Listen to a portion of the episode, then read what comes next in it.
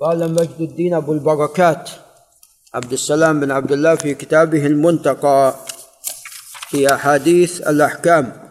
قال باب ما جاء في إمامة الصبي وأن ذلك مشروع لا بأس به. نعم. وبشرط أن يكون هذا الصبي ممن يحسن القراءة ويقيم الصلاة. نعم. فكونه صبيا لا يمنع تقديم في الإمامة.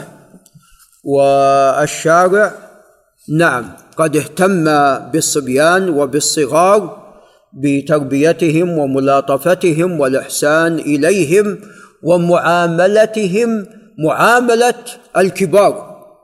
يعاملون معاملة الجد حتى يتعلمون على ذلك فيعاملون معاملة الكبار. نعم ولذا الرسول عليه الصلاة والسلام قال لابن عمه عبد الله بن العباس يا غلام إني معلمك كلمات احفظ الله يحفظك وهو غلام.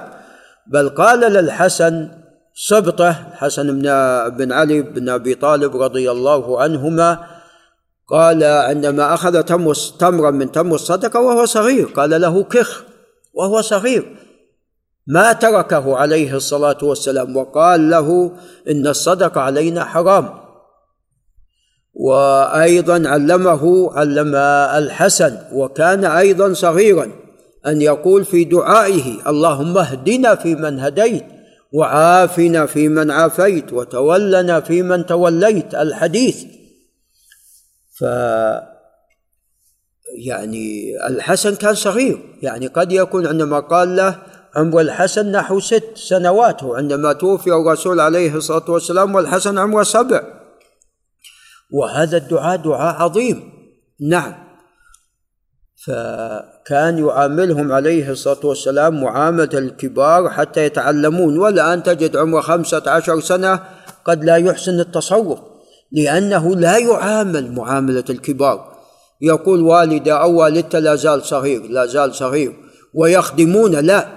يعني ينبغي لهم أن يعلموه. يقوم بخدمة نفسه يشتري الحاجات. نعم. بنفسه يعلمون على مقابلة الناس والكبار. نعم. فيتعلم. قال عن عمرو بن سلمة رضي الله عنه. وقد اختلف في صحبته. طبعا كان هو موجود بعهد الرسول عليه الصلاة والسلام. فهل هو التقى به أو لا؟ نعم محل خلاف. لما كانت وقعة الفتح بادر كل قوم بإسلامهم وبادر أبي قومي بإسلامهم. وهذا يفيد على أن أبوه كان من كبار قومه. فلما قدم وأبوه صحابي قال جئتكم من عند النبي عليه الصلاة والسلام. عمرو بن سلم معه؟ لا ابنه ليس معه. جئتكم من عند النبي صلى الله عليه وسلم حقا. فقال صلوا صلاة كذا في حين كذا. وصلاة كذا في حين كذا. فإذا حضرت الصلاة فليؤذن أحدكم وليؤمكم أكثركم قرآنا. فنظروا فلم فلم يكن أحد أكثر قرآنا مني. لما لما كنت أتلقى من الركبان وهذا يدل على نباهته. فكان يحفظ من الركبان فقدموني بين أيديهم وأنا ابن ست. وأنا ابن ست سنين أو سبع سنين وجاء في رواية بن ثمان والأقرب الله أعلم أنه كان بن سبع. الرجال قدموه عليهم وهو بن سبع سنوات. إمام. وكانت علي بردة كنت إذا سجدت تقلصت عني. فقالت امرأة من الحي ألا تغطون عنا إستقارئكم؟ فاشتروا فقطعوا لي قميصا فما فما فرحت بشيء فرحي بذلك القميص.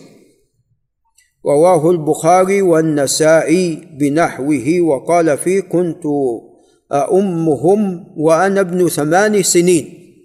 والأقرب كما تقدم سبع. وأبو داود وقال فيه وأنا ابن سبع سنين أو ثمان سنين وأحمد ولم يذكر سنة. ولأحمد وأبي داود فما شهدت مجمعا من جرم قبيلة جرم إلا كنت إمامهم إلى يومي هذا. نعم وهذا الحديث حديث صحيح وقد نقل عن بعض أهل العلم أنه توقف فيه.